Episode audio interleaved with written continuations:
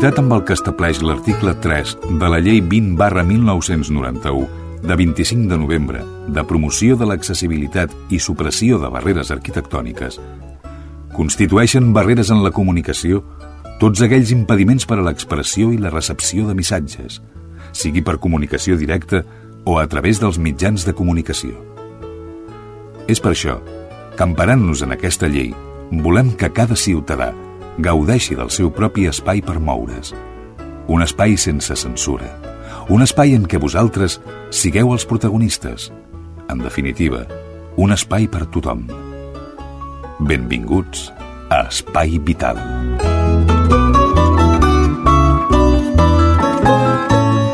Senyores, senyors, què tal, com estan? Benvinguts, ben trobats. Una jornada més, un programa més. Es diu Espai Vital, ja el coneixen, portem eh, cinc temporades? No, aquesta és la cinquena. La cinquena. La, La cinquena. Com sempre, saludem a la nostra cuinera, a la Teresa Diviu. Teresa! Hola, guapo. Hola, guapa, quant temps? Com estàs? Pues jo crec que estic bé. Estàs bé? Sí? Jo crec que sí. Sí? No et falla cap pota ni falla res més? Oh, d'això falla molta cosa, però mirem de, de continuar endavant, perquè ens hem de ronsar. Molt bé, ens acompanya el Chiquitín, que ja ha parlat amb nosaltres, el Chiquitín, l'Alfredo Ángel Cano Toledo de todos los santos y su madre y su padre y ya. ¿Qué Hola. vamos a hacer? ¿Qué vamos a hacer? Hola. Hola, ¿cómo estamos, Xavi? Eh, ¿Cuánto tiempo sin verte, eh? Tres notícies, no? Sí, com sempre. Val. A veure, són interessants, sí. Doncs tres notícies que ens portarà avui l'Alfredo Ángel Cano, recordeu, recollides del blog d'Espai Vital. Una adreça que després donarem per poder mirar el blog i si voleu escoltar aquest programa també el podeu descarregar o escoltar directament del blog d'Espai Vital. Ens acompanya també aquí als nostres estudis mm, doncs dos persones. El Manel Mora Sánchez, ell és discapacitat i del Barça. Hola, què tal? Hola, bon dia. I- Bona hora a tothom. Hola. I la seva senyora, que és l'Anna Vilallonga. No, Villalonga. Bueno, què he dit jo? No sé, és que, és que aquí... Vila, es diu Vila, i ah, ets Villa. És que Eh? tinc una baralla amb el meu Vila, cognom. Villa. És que qualsevol persona que entra a l'estudi es creu que ja eh, és millor que, que tothom. Pues vale, Vilallonga. Veu? Era així, no? Villalonga. Ara. Eh, és igual. Bueno, Vila, Villalonga o Vilallonga estan aquí amb nosaltres, ens parlaran del Barça i ens parlaran d'accessibilitat. Molt bé, tot això ho amanirem amb música, amb cuina, amb notícies curioses, tot un entramat de cosetes que conformen l'espai vital, que amb 3, 2 o 1 comença el seu programa d'avui.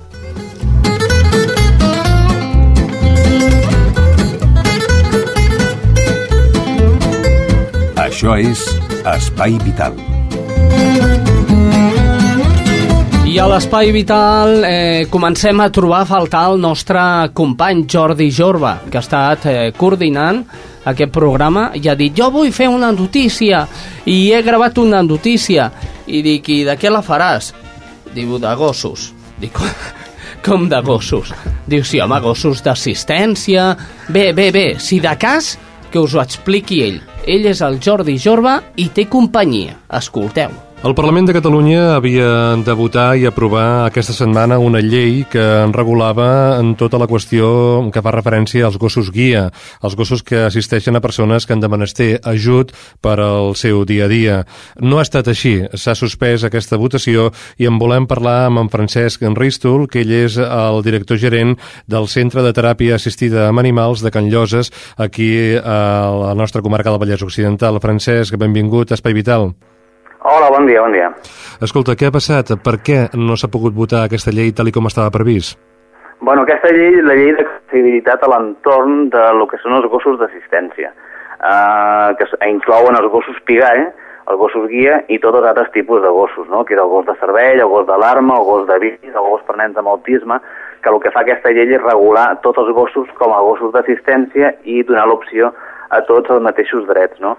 Aquesta és una llei que portem 3 anys treballant, eh, col·laborant per desenvolupar-la al final es va desenvolupar, portat tot, ha passat tots els protocols de 3 anys i que bueno, s'havia d'aprovar, havia entrat al Parlament a votació abans de l'estiu, la van traspassar ara aquest mes de novembre i que bueno, avui hem rebut la notícia de que, de que no entra votació de moment i que la paren, suposo, a una nova data. Una nova data. Vull dir, exactament el que ha passat no ho sabem, però sí que estem una miqueta tristos perquè portem molt temps lluitant i sembla que se'ns vagin sempre anar passant els mesos i no hi ha manera de que els nostres polítics l'acabin votant. Molt de temps eh, lluitant i al mateix temps suposo que fent molta feina, perquè vosaltres sou els que coneixeu aquesta realitat, els polítics eh, no han de conèixer-la o, o, o l'han conegut a través vostra, i és clar, quan un fa feina vol que hi hagi un resultat, si més no, perquè aquesta llei el que hauria de portar és una regulació per tota aquesta qüestió. Sí, bueno, aquesta llei el que fa i el que fa d'important és regular l'accessibilitat de tots els gossos. A data d'avui només hi ha una llei, que és la llei dels gossos pigall, que teòricament aquí a Catalunya els gossos pigalls tenen accessibilitat a tots els centres públics i privats, però els altres tipus de gossos d'assistència no poden entrar als altres eh, centres, ni públics ni privats. Aquesta llei el que pretén és que totes les persones usuàries de qualsevol tipus de gos d'assistència, i estem parlant de persones, no dels gossos, sinó les persones puguin entrar als centres acompanyats del seu gos d'assistència. A data d'avui no poden entrar a un restaurant una persona que amb cadira de rodes eh, amb un gos d'assistència. No poden entrar a un restaurant, la llei no els empara. I aquesta llei, doncs, portem tres anys treballant, semblava que els polítics, sembla que els polítics, eh, bueno, volien entrar a votació, nosaltres seguim treballant, no vam dir de parar mai de treballar, nosaltres estem lliurant gossos a les persones que ho requereixin, però que legalment no tenen els drets. I creiem que aquí els únics perjudicats són els usuaris, les persones amb una discapacitat que tenen aquests gossos com una eina i que no, no tenen l'accessibilitat. Vull dir, bàsicament, el que ens sap greu, no perquè nosaltres seguim treballant igual, seguirem sempre entregant aquests gossos amb llei o sense llei, no? però més que res per eh, pels drets d'aquests usuaris, no? d'aquestes persones amb discapacitat. Sí. Comentaves eh, la importància que s'aprovi la llei, sens dubte, però molt sovint la societat va per endavant del que aproven els nostres polítics. Eh, aquestes situacions, quan, com per exemple tu citaves una persona que va en cadira de rodes i va amb un gos d'assistència, eh, un gos pigall i no pot entrar a un restaurant, això realment es produeix així o hi ha més sensibilitat per part de la societat quan es produeix doncs, una situació com la que descrivies? A veure, mira, nosaltres l'experiència que tenim amb els usuaris que coneixem i que he participat en gossos, a veure, problemes d'accessibilitat no n'hi ha massa, però bàsicament no n'hi ha perquè els nois o noies, quan van a un lloc i tenen problemes, doncs ja no hi tornen. Ja no, ja és que no, com que saben que no hi ha una llei que els empari, no lluiten. Vull dir, si no els deixen entrar a aquest restaurant, doncs saben que van al del costat que poder deixen entrar. I s'actua una miqueta d'aquesta manera per evitar problemes i, i, i d'aquesta manera no discutir, no? Uh, per això, problemes greus en tenim amb altres nivells. Tenim problemes greus, per exemple, al metro de Barcelona, que no poden entrar. La Renfe, per exemple, els accepten, els catalans, els ferrocarrils de la Generalitat, tampoc tenim problemes. En el metro de Barcelona sí que tenim problemes. En els autobusos de Barcelona ciutat també tenim problemes. És a dir, aquests llocs que són necessaris i que no poden evitar els nostres usuaris són on realment aquesta llei ens ajudaria, no? Amb accessibilitat, per exemple, en hospitals, que tampoc poden entrar. A molts entorns públics amb supermercats, tampoc els deixen entrar i també haurien d'entrar. És a dir, problemes n'hi han i no n'hi han. És a dir, el que veiem amb molts usuaris que el que fan és intentar espavilar-se i anar als llocs on poden anar. No? Mm -hmm. També una miqueta per la persona que va amb cadira de rampes, ai, perdó, perdó, amb cadira de rodes, perquè ho entenguem, va als llocs que hi ha rampes. Si no hi ha rampes no pot accedir. Mm -hmm. no? pues amb els gossos ens està passant una miqueta. Aquesta llei el que donaria seria pas a que poguessin anar a tot arreu que és el dret que tenen, no? com qualsevol altra persona, eh, poden, tenen que poder entrar a qualsevol lloc de, que anem, qualsevol de nosaltres. Es, es parla últimament molt de la nova terminal de l'aeroport de Barcelona. Quina és la situació que es troben aquestes persones quan van a l'aeroport? Se'ls accepta? Poden volar amb els gossos, per exemple? Que no poden volar amb els gossos. És a dir, la llei actual que hi ha, hi ha una llei aèria que va sortir juliol d'aquest any a nivell europeu, que diu eh, que aquests gossos d'assistència s'han d'acceptar en els avions. Al final, a la colatilla de la llei, la llei diu que ho deixa a nivell estatal. A nivell estatal, aquí a Espanya no hi ha una llei. A nivell estatal el que diu és que ho deriva a les comunitats. A nivell de les comunitats, eh, fa riure, és així. A nivell de les comunitats, en aquest país tenim llei a Galícia, tenim llei a València, tenim llei al País Basc i nosaltres que intentem. Cap altra comunitat, no me'n recordo bé, però em sembla que no tenen llei.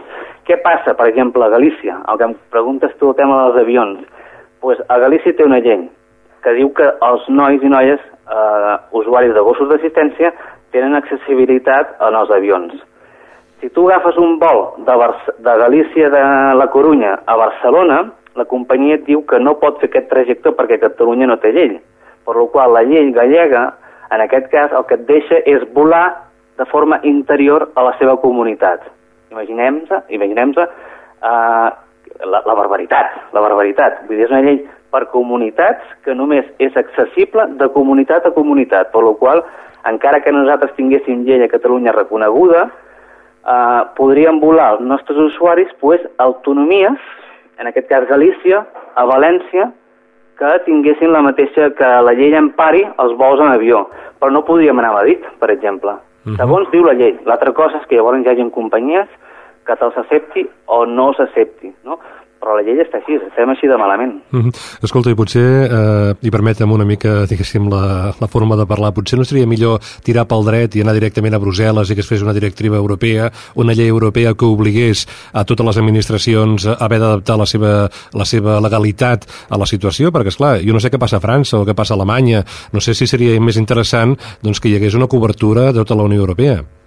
Mira, eh, ens vam ficar fa tres anys, més o menys, a treballar amb aquesta llei, aquí a Catalunya, la idea nostra era fer una llei emblemàtica, fer una llei eh, que ho regulés tot, no només l'accessibilitat, sinó que regulés la professió. Estem amb aquesta llei, es regula la professió dels ensinistradors.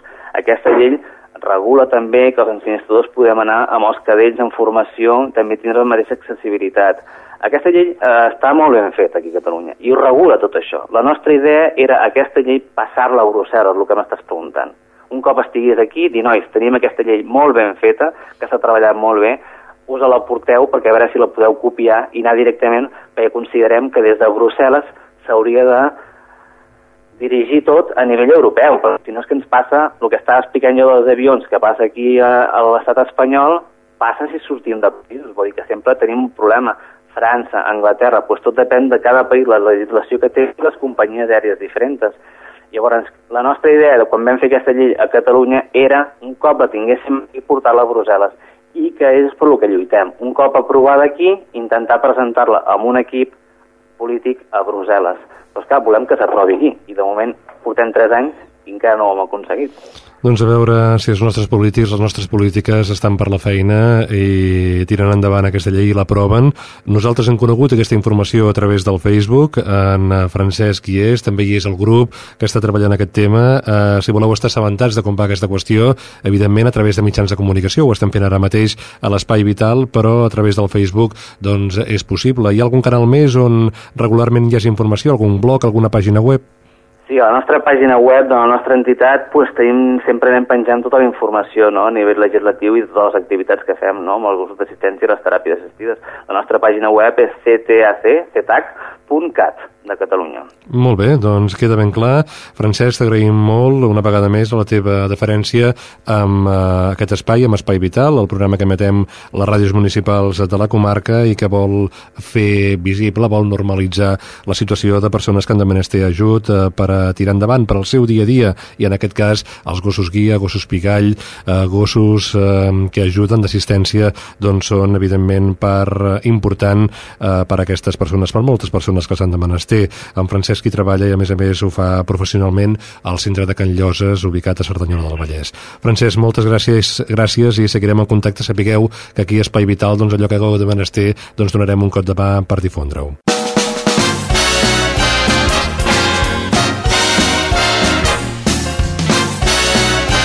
Espai Vital, el primer programa adaptat de les zones.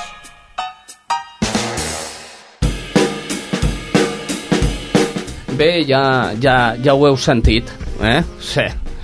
Sí, has de portar un gos d'assistència i vols anar al restaurant, i vols pujar un avió, i vols pujar al metro...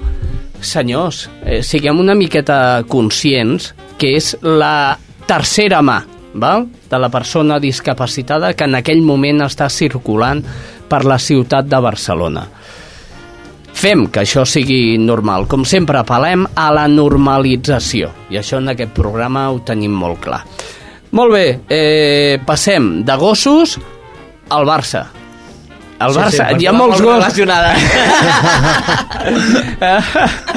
M'ha sortit la vena ibèrica aquí. Sí. Tranquil, tranquil. No pot ser, no pot ser això, no pot ser. Un és de l'Espanyol i... N'hi ha més a germano del que penses. No, No, Sí. però he de dir que aquest tema que tractarem ara, jo estic absolutament d'acord amb tu que tots els camps eh, han de ser adaptats. Gràcies. Eh, Manel, ni cas. Vull dir, és un afegit avui al programa. sí. Ni cas, ni cas. Els del Barça i els de l'Espanyol ens portem bé. Sempre, sempre ens portem bé. Sempre. Molt bé, entrem amb, amb el que hem dit, el camp del Barça. Què passa si portes una cadira de rodes i dius vull anar a veure el meu estimat Barça com juga i, i fa les seves coses? No pots. I si vas, no pots veure bé el Barça. Manel, a través del Facebook heu creat un grup d'amics que lluiteu perquè el nou camp del Barça sigui adaptat per tothom. Per tothom. Per tant, un camp del Barça normalitzat per tothom. Explica'ns una mica. Bé, eh, varen crear el grup Blaugranes en cadira de rodes, volem una ubicació digna al Camp Nou, precisament pels motius que tu has esmentats, eh? Clar. perquè és una peregrinació des que intentem entrar fins que arribem al lloc. Si et sembla, explico molt breument eh, l'experiència. Què passaria si ara mateix anéssim a veure un partit? Efectivament, eh, en Manel, Manel Mora, és usuari de cadira de rodes, és a dir, que ell parla en primera persona, que ho tingueu clar, Manel. Uh, D'entrada hem d'entrar, perdó per la redundància, per Aristides Maiol, Sí, uh, la qual cosa vol dir que, depenent a la boca on hagis d'anar, uh, has de donar tota la volta al camp. Per què? Perquè moltes boques no estan adaptades. Boques, I- boques... Boques es diuen portes, vaja, portes. Portes, Les portes. No diguis boques, Sí. sinó malament. Portes, portes. Eh? Les portes estan, mm, no estan totes adaptades i les poquetes que n'hi ha, que em sembla que són un parell exactament, Ahà. són veritables rampes, mm, més, trampolins més que rampes, no? Tenen Mhm. una inclinació molt forta, la qual cosa fa que la, la cadira llisqui i et puguis fotre el, de nassos allà, no? Ahà. I aleshores sempre entrem eh, per l'entrada on van els, el, les, els furgons a, a, a portar patates frites, eh, fregides, eh, Coca-Coles, etc etc etc. I aquella és l'única entrada que realment sí que és accessible. Bé, ja, ja hem superat la primera barrera. La segona barrera, ens hem de situar o al gol nord o al gol sud. Què passa? Anem cap al nostre lloc, n'hi ha marcades al lloc de les cadires i ens col·loquem tots contents per veure el Barça. Doncs molt bé. Què succeeix? que les persones que tenim al davant, lògicament, si hi ha una jugada d'allò emocionant, eh, Messi que ataca per l'esquerra, la gent comença a aixecar-se. Automàticament, la, tant la jugada, si acaba en gol, com si no, l'hem de veure a casa quan arribem en diferit. Eh, eh, resumit, és a grans trets, seria l'experiència que patiríem si anem al camp del Barça ara mateix a veure un partit. Vosaltres us imagineu que aneu al camp del Barça i no podeu veure els gols del vostre equip? Us ho heu plantejat? Doncs bueno, comenceu a plantejar-ho perquè això és el que fa aquest grup creat a Facebook. Esteu lluitant. Estem lluitant. I que esteu lluitant perquè us adaptin al nou camp del Bé. Barça que fa temps que ja han dit que, que l'adaptarien. Sí, que ja entrava, crec, eh, a, a l'anterior programa electoral de l'equip directiu. Vull deixar molt clar que no es tracta d'una confrontació en contra ni el Barça, ni molt menys, que és el club del nostre cor, ni el president Laporta. No som ni antilaportistes, ni antisandristes, ni... An... Només tan sols volem sumar, sumar esforços, sumar idees, sumar propostes per tal que el Camp Nou sigui un referent mundial, eh, en aquest cas també pel que fa a la- a l'adaptació. Ah Eh, però no només demanem eh, una reubicació del, del, de les persones que van en cadira de rodes per tal de poder veure el partit eh, En condicions. en condicions. Mm. Demanem, a més, eh, eh, les nostres demandes giren al voltant de quatre eixos fonamentals. La primera seria aquesta, millor ampliació del, del nombre de rampes. La segona, d'ubicació del lloc on estem destinats. Senyors, sobretot millora. Eh, S'han fotut de cap hi ha uns quants discapacitats. Ho dic perquè vagin a arreglar la rampa. Perdona, perdona. No, no, i ara, i ara... Estic aquí, jo... Xavier, estàs a casa teva. Fes com si estigués a casa Eh, teva. la casa de tots, això. Què més? Després, el tercer punt seria una llista diferenciada per a abonats del Futbol Club Barcelona. Què succeeix? Que eh, vas a fer-te abonat i et posen a la llista general i aleshores tens el 235.421. Això no té sentit, perquè jo no competiré per un seient en- amb una persona que pot caminar normalment. Mm. Jo el seient ja el porto posat. Ah, Per, per tant, és lògic que, demane, que aquesta demanda també, no? una llista diferenciada, de, de tal manera que les persones que van en cadira de rodes i que vulguin fer-se abonats puguin sí. fer-ho. I l'últim punt de- d'aquells quatre eixos seria un lloc específic de compra i recollida de les entrades. Per què? Doncs, home, imaginem-nos un Barça-Madrid. sí. Unes cues impressionants. A mi m'ha passat. No es poden comprar per internet? Pregunto. eh, són unes entrades tan específiques que a vegades ens hem trobat que ni per eh, la caixa que... Perdó, no sé si és... El Servicaixa. No, Servicaixa. aquí no es poden dir marques. La caixa, la, caixa, la caixa. Val. Uh, no té contemplat en els seus caixers uh, aquesta opció, però Mhm. són en teoria unes entrades, no en teoria, a la pràctica, són unes entrades específiques Sí. i per tant hem de patir aquelles cues. Igualment has d'anar a la guixeta com tothom, no hi ha una guixeta on hi ha una cadira de rodes, has de allà. I jo m'he trobat que abans d'arribar a la guixeta eh, entrades exaurides. Ja. I jo cridant, ei, però clar, entre la multitud, ei, perdoni, que estic aquí, que jo vull una entrada diferent. Tú cállate, que tú vas sentado. ¿eh? Que nosotros estamos de pie. Sí, perdona. No. I aleshores, clar, eh, pensem que seria molt important que hi hagués un lloc específic. Eh, D'aquesta- D'aquest últim punt eh, et puc donar fins i tot de la proposta, seria molt fàcil. Eh, la Caixa només hauria d'afegir eh, un dels seus informàtics una opció que digués entrades per a cadira de rodes. Pim, i de tal manera que un senyor de Ripoll, o sigui Barcelona, o sigui d'aquí de Ripollet, sí. pugui comprar la seva entrada sense haver d'anar al Camp Nou i patir aquelles coses. Doncs pues molt bé, ja ho sabeu. Eh, com se us pot trobar? I ara em direu burro, però si hem dit que som del Facebook, no? Doncs pues al Facebook. I com, com sortiu al Facebook? Amb quin nom? Sortim amb el nom que t'hem dit abans, Blaugranes en cadira de rodes, punt, és important, volem una ubicació digna al Camp Nou. De tota manera, si cerqueu Manel Mora, segurament mm, Trobareu, trobareu... trobaran de seguida. ja està, doncs millor Manel Mora, eh? aneu cap allà i des d'allà ja us reubicarà cap a Blaugranes amb cadira de rodes. Volem una ubicació digna al Camp Nou i nosaltres des d'Espai Vital també ho volem. Manel, gràcies per haver vingut a l'Espai Vital i a convidem a que tornis a venir. Ha estat un plaer i quan vulgueu. Molt bé. Doncs, Iana, Villa... Villa... Espera, espera, Villalonga. Villalonga. Molt bé, molt no bé. Vi, Vilallonga. No, Villalonga. Villalonga. Molt bé. Gràcies per haver acompanyat el Manel. Ja sé que l'acompanya sempre, però avui Sí. era més difícil que mai, perquè era per parlar amb ràdio, i això també és un punt més. Gràcies per venir. A tu, a vosaltres. Vinga, doncs. Nosaltres continuem endavant, això és Espai Vital. Recordeu, Cerdanyola, Ripollet, Montcada, Barberà, Santa Perpètua i Sabadell. Això cada cop s'amplia més. Eh? A veure... Salutacions a tota la comarca, a totes les poblacions i a totes i cada una de les emissores que ens emeteu, que esteu allà al peu del canó i que sempre ens ajudeu a la repassar les notícies que passen al vostre poble. Doncs això podíem fer. Anem a fer un voltet i anem a conèixer quines són aquestes notícies. Eh, xiquitín? Sí. Et sembla bé, eh? Ah, bé. Teresa, Per on comencem Anem. avui? què, què farem? Què, a peu o en bicicleta? Eh, no ho sé, tu mateixa. En cadira de rodes. Doncs pues vinga, fem el tom amb cadira de rodes. Estàs escoltant Espai Vital.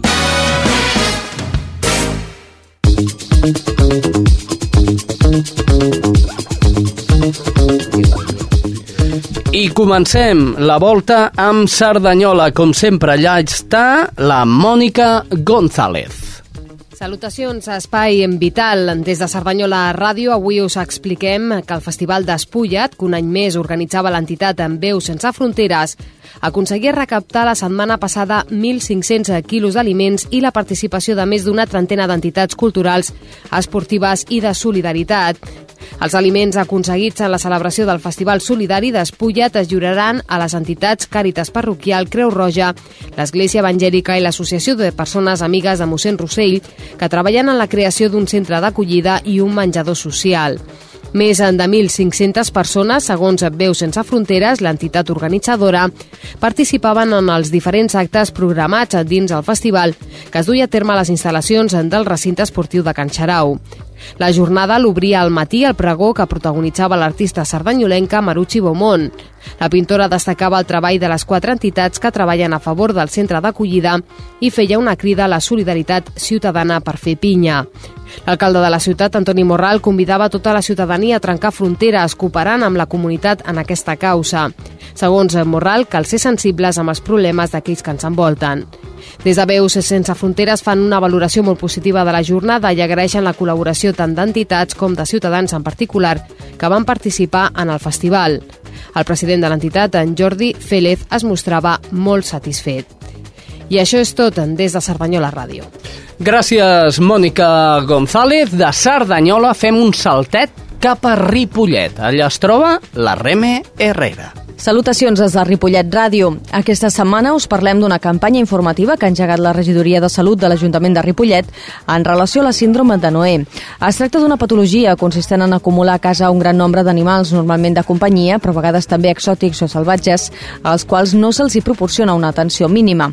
La persona afectada sol creure que està salvant els seus animals i no és capaç de reconèixer que puguin estar desnutrits, parasitats o malalts. Tot plegat en un espai brut i desordenat.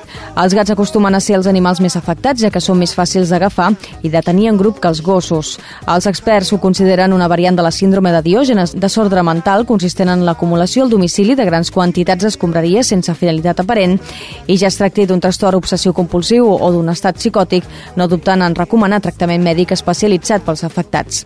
A Ripollet, l'ordenança municipal de tinença d'animals de companyia, aprovada l'any 2007, no estableix el nombre màxim d'animals que es poden tenir en un habitatge, sinó que ho condiciona al compliment dels requisits en matèria de benestar animal i de les condicions higièniques òptimes pel seu allotjament, l'absència de risc sanitari i la inexistència de molèsties pels veïns.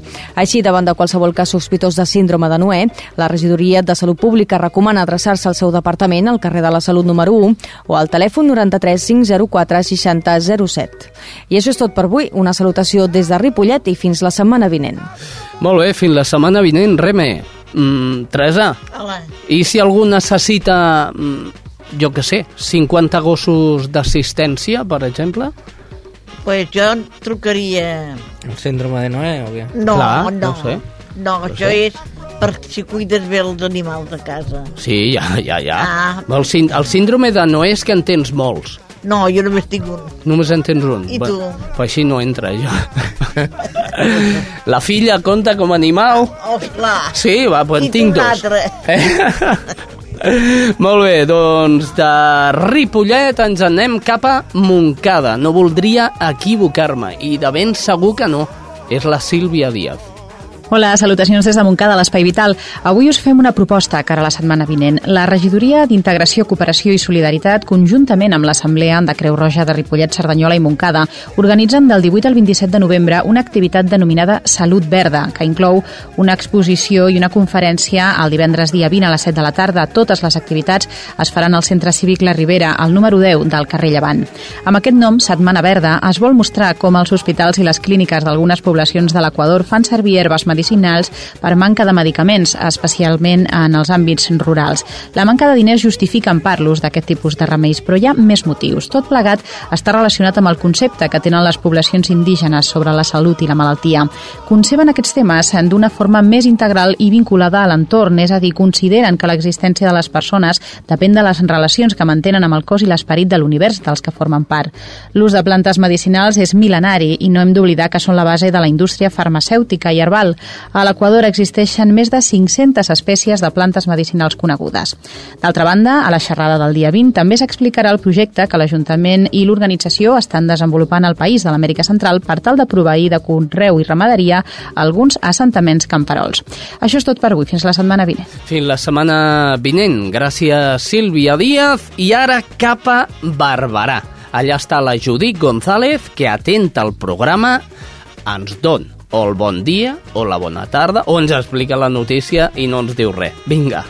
Salutacions des de Ràdio Barberà. Barberà del Vallès s'interessa per la salut i les cures dels més menuts. Dins del programa Créixer amb tu, que es desenvolupa des de la Secretaria de Polítiques Familiars i Drets de Ciutadania de la Generalitat de Catalunya, en col·laboració amb l'Ajuntament de Barberà del Vallès, s'ofereix un cicle de tallers xerrades per oferir una formació als pares i mares que els faciliti l'adquisició de les habilitats necessàries per educar els fills i filles. Així doncs, el primer taller dels que s'efectuen s'anomena El benestar i la salut de la criatura. En aquest taller es tracten qüestions relacionades amb l'establiment d'hàbits alimentaris i de rutines quotidianes, com l'hora d'anar a dormir, els àpats, entre altres. I es parla també de la importància de les revisions pediàtriques, les vacunes i les mesures per prevenir accidents domèstics. Les sessions es duran a terme de dos quarts de sis a set de la tarda a la llar d'infants La Blava. Doncs moltes gràcies, eh, Barberà. De Barberà cap a Santa Perpètua de la Movida, no? és movida, mogudes, moguda. movida. Santa Pepa, allà es troba la nostra estrella, l'estrella Núñez. Som-hi. Salutacions des de Santa Perpètua per l'Espai Vital. Diumenge passat va sortir des del Port de Barcelona un comboi d'ajuda humanitària cap a Àfrica en el que hi participa Santa Perpètua. Es tracta d'una iniciativa de la IPA, una associació internacional de policies i bombers, que s'encarrega de transportar ambulàncies a diferents municipis africans, entre altres coses. Les ambulàncies han estat donades per diferents empreses. L'Ajuntament de Santa Perpètua subvenciona tres vehicles que es destinen a tres localitats, amb les que la ONG local Santa Perpètua Solidària du a terme projectes de codesenvolupament, dues a Mauritània i la tercera a Gàmbia. El nedador David Meca, que és el padrí del projecte, ha afirmat que el repte del segle XXI hauria de ser eradicar la pobresa al món. Creo que es una labor muy bonita. Eh, a todos nos gustan los retos en la vida y creo que no hay un reto más bonito que erradicar la pobreza en los países subdesarrollados, los países, por ejemplo, africanos. Creo que debería ser el reto del siglo XXI, ¿no? no hi ha reto més bonito que este. La presidenta de Santa Perpètua Solidària, Lídia Imeric, ha explicat que les ambulàncies donaran servei a pobles on no disposar d'aquests vehicles suposa morir en el trajecte. L'alcalde de Santa Perpètua, Manuel Ruiz, viatjarà amb el comboi per fer entrega d'aquestes tres ambulàncies a Mauritània i a Gàmbia. Des de Santa Perpètua, adeu fins la setmana vinent. Adeu, no sé què anava a dir, eh? Anava a dir alguna cosa, l'estrella. Anava a dir bona tarda o bon dia o... Ai, Estrella, quan et trobava a faltar, Déu meu. Molt bé, Estrella Núñez, Santa Perpètua, i ens en anem per últim per acabar la roda amb Sabadell. Allò es troba l'Ivan Palomares, i aquesta és la crònica. Un 10% dels avortaments per embarassos no desitjats són de noies d'entre només 15 i 19 anys. Són dades de Catalunya, però molt semblants a la que es registren al conjunt de l'Estat i també a ciutats com Sabadell. Per això, el consistori d'aquesta població posarà en marxa, un cop més, una campanya sobre sexualitat adreçada especialment als joves. Aquesta campanya vol explicar la importància de fer servir el preservatiu, tant per evitar malalties de transmissió sexual com també per evitar embarassos no desitjats que en els últims anys s'han disparat disparat.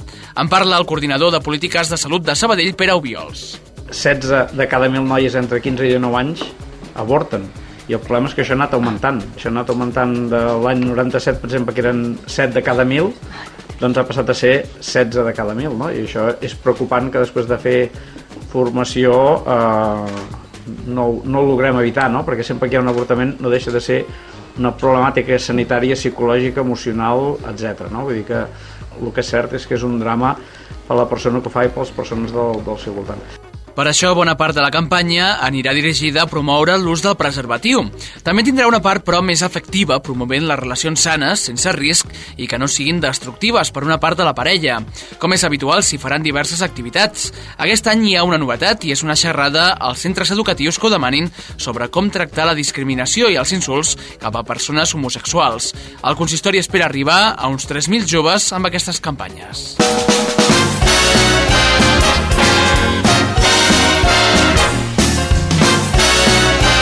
Espai Vital, el primer programa adaptat de les zones. Continuem endavant i ara sí que arriba l'espai, perquè sí, no? Perquè sí, sí, arriba l'espai. Sí, Teresa, Ja vine cap aquí, deixa la pilota, cony, tant jugar. Vine cap aquí, que, que ets el teu espai. La Home, cu- i, i això vol dir que teniu gana. Ja, ja, clar. Ah, clar. bueno, bueno. Tinc els convidats que no saben què menjaran. Va, què, eh, què faràs avui? Però avui farem lluç fregit en salsa de tomàquet i gratinat al forn. I sempre adaptat, Adaptat. com sí. són els plats de la Teresa. I és que els plats de la Teresa són adaptats, es poden fer amb una mà. I si volen en dos, en dos, perquè n'hi ha... Si tenen el marit al costat. No, perquè hi ha persona, tres, eh? Perquè veia, aquí pues, tenim el convidat que pot fer servir les mans. Sí? Les dues mans, jo no, només en puc fer servir una. Manel, tu cuines? No, ell no, la M'agrada molt la cuina, cuinava molt abans de Vamos, que t'agrada menjar, tu. És lo Ell- tuyo. La bona cuina, Eh. la bona cuina. O, o és l'Anna la que agafa els fogons i fa la cuina? Malauradament sí, però no sóc gaire bona cuinera, jo. Ja, doncs mira, en... estigueu atents que la Teresa, la cuina que ens porta, és adaptada. Peix fregit amb tomàquet, de la Teresa. Ja està. I gratinat. I gratinat. Ingredients. Ingredients.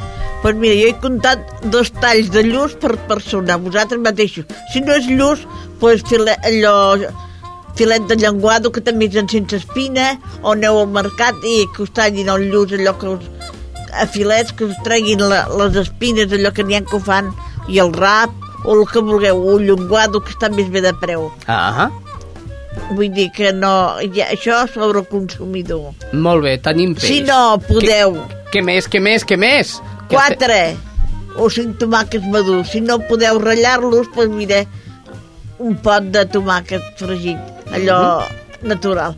Jo em va més bé pues, ratllar-lo, perquè no puc obrir el pot. Molt bé. Després, dos grans d'all, Dos grans d'all. l'oli Mm? i formatge ratllat. I com fa temps que no venia per aquí, es torna a descuidar la El sal. No, espera, encara no he acabat, home. acabat, no ha acabat. Que últimament no serà... val, val. Sempre ho diu, Veus? eh? Jo dir... Últimament sempre ho sí. diu. eh, pues, el formatge ratllat, Mm? l'oli, la sal, pebre i una mica de sucre. Ah, molt bé, molt bé. Bueno, comencem a fregir el tomàquet. Mm? A la, a la paella hi posem l'oli, una miqueta d'olilló, sal, pebre i una mica de sucre. El sucre és per treure l'acidesa del tomàquet Truquito, truquito. i ho fregiu.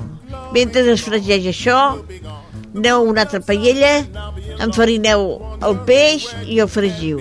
Hi ha, hi ha un tipus de farina que és especial per peix, que jo ho he vist a la plaça, jo vaig a comprar. Ah, sí? Ah, mira que bé. Bueno, i és més fina. És més fina i queda més cruixent Clar. el peix. Bueno, però això no ho sabia jo, veus? Ho veus, eh? Un altre que diu un truquito. A truquito, eh? Aneu a la plaça i pregunteu per la farina per fregir peix. Això mateix. Que us dic jo que hi I és. encara si us agrada més cruixent, també n'hi ha qui posen allò pistatxo, trossets de pist... també enfarinat i va passar per pistatxo, Ah, perquè així queda més cruixent. veus, això no ho sabia jo, també truquito. Sí. Eh? Ja en portem tres. Què Bueno. més? Vinga. I fregim el peix. Mm -hmm. El peix el poseu en una bandeja que pugui anar al forn. Quan tingueu ja el peix fregit i el tomàquet també ja estarà fregit, ho tireu per sobre el peix. Si us en que, voleu que us en quedi, ho gu- ho guardeu en una salsera, que igual cadascú que es posi la que vulgui més. Després, per sobre aquell tomàquet que heu posat a sobre el peix, hi poseu el formatge ratllat. I ho poseu al forn a gratinar. I espero que us agradi. És com si fossin canelons, oi? Ah, espera, m'havia deixat una cosa. Ah, ui, ja hi som. No, en el tomàquet, quan es fregeix, hi poseu dos grans d'all. Només fregeixin allà. I la cullereta de sucre. No, això ja ho havia dit el Ah, sucre. ah val, val. No, és els grans d'all, que així el tomàquet té un gustet a all. Després, si no us agrada, doncs ho traieu. O si voleu, ho fregiu abans, que té ara el tomàquet, fregiu els alls, els traieu i fregiu el tomàquet. Això al gust del consumidor. I que us vagi de gust, eh? Vosaltres eh, podíeu fer-lo. Sí, avui. Perfectament. Eh? Cada cop que sortim d'aquí diem, eh, eh, tenim dinar avui. Doncs sí. Eh? Avui ja No. tenim dinar i a més molt bo. Quina gana, Teresa, que m'està entrant. És la iaia Teresa, la nostra iaia. De tant en tant anem a casa seva i, I encara dinem. ah. m'han dit uns quants truquets més. Qui, quin truquet? De les hamburgueses, si us les feu a casa, No, a la massa... això per la setmana que ve. No. Per la setmana que ve. No, no, que no, no. Hamburgueses la setmana que ve, eh? Bueno, deixa, és un truquet. Per a la massa de les hamburgueses hi poseu formatge també ratllat Sí, i feu les hamburgueses i queden les hamburgueses més suaus. més sucoses. Sí. Eh? Molt bé, doncs ja tenim truquet per les hamburgueses. Un plat que potser la Teresa ens podria fer la setmana vinent. Sí, sí, carn, carn. El tio només vol carn. Molt bé, tenim notícies aparegudes al blog d'Espai Vital. Recordeu, ràdio, guió, espai, guió, vital.blogspot.com És més fàcil, no? Sí. Anem al Google. Google, Espai Vital. a- Al Google i al Google, eh?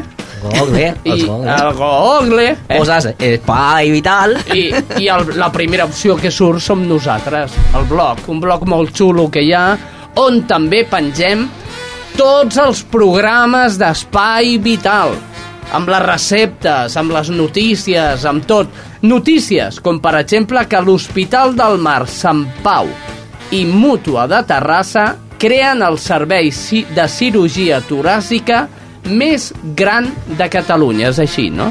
És així. Els Hospital del Mar de Sant Pau i la Mútua de Terrassa s'han unit per crear el servei de cirurgia toràcica més gran de Catalunya, que donarà servei a dos milions de persones. L'objectiu principal d'aquesta iniciativa és millorar el servei a les seves poblacions de referència, concentrades a les zones del Vallès i zones del nord de Catalunya i Andorra, especialment en el tractament del càncer de pulmó, la patologia més rellevant, on la cirurgia és clau per realitzar un bon tractament. Estan comprovat que concentrar els casos afavoreix a uns millors resultats. El nou servei preveu trobades per discutir sobre, sobre pacients operats entre oncòlegs, pneumò- pneumòlegs, patòlegs i radiòlegs. I per entendre això, aquestes, aquestes frases i paraules, també com es diu el, el de la llengua, el que et fa parlar bé, com es diu això?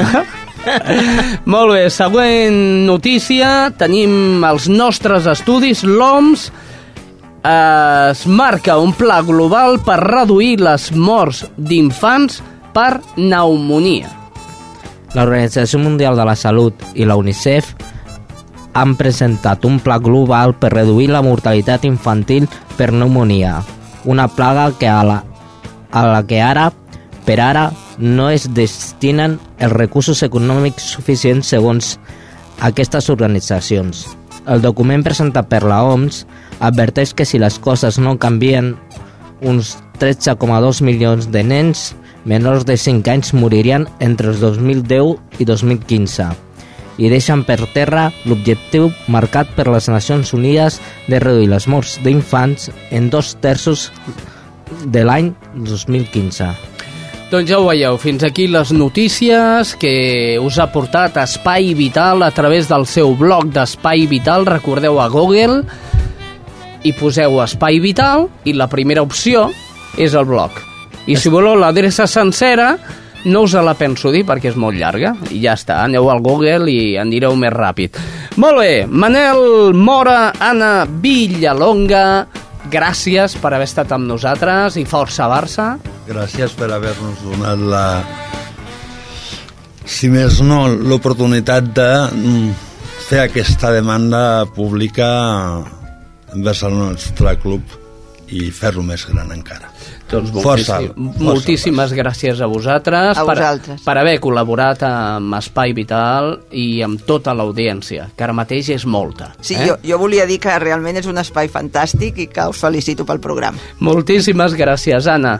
Ya, ya la tuteamos. Es que la gent quan entra li diem, senyora Ana, No, no. ¿es usted la señora Villalonga? Diu, ai, sí, so...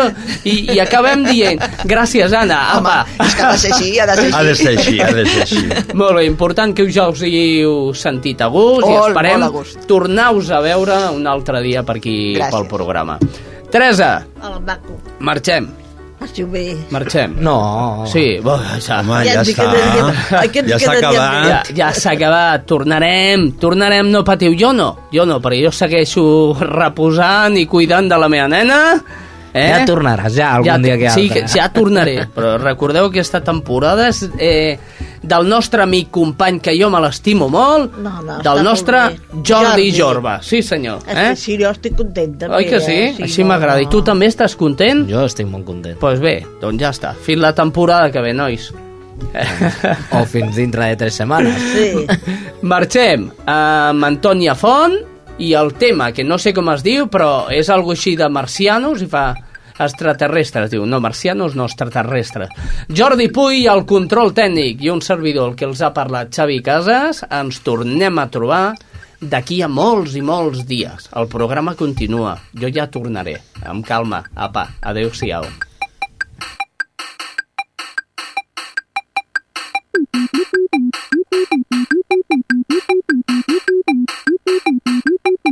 Que guai, que guai, quins extraterrestres més originals. Van amb motos d'aigua dins hiperespai i una espasa làser en sa mà. Que guai, que guai, tenen ses antenes parabòlites i tarifa plana telefònica perquè sempre han de sintonitzar. Que guai, que guai, i berenen de pa ben bon tulipan. Munten una orgia piromusical i s'exploten tots els genitals. Jo la Tetal som els vostres amics de sa terra, un planeta de pols i de merda, d'un inhòspit sistema solar. Jo la Tetal jo he vengut a muntar el meu negoci, un complex de luxe de l'hosti, per a minigolf i a petanc.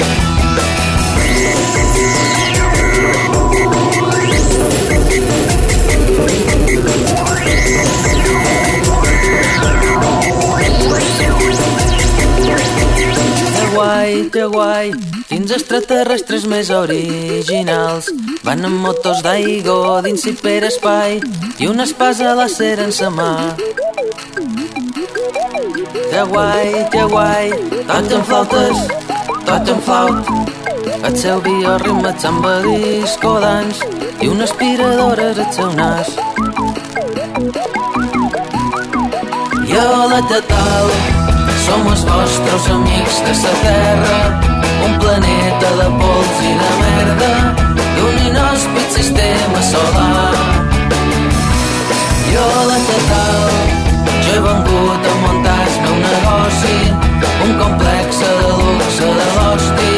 per jugar a minigolf i a petant. Jo a de Tal som els vostres amics de la Terra, un planeta de pols i de merda, d'un inhòspit sistema solar. Jo a de Tal jo he vengut a muntar el negoci, un complex de luxe de l'hosti, per jugar a minigolf i a petant.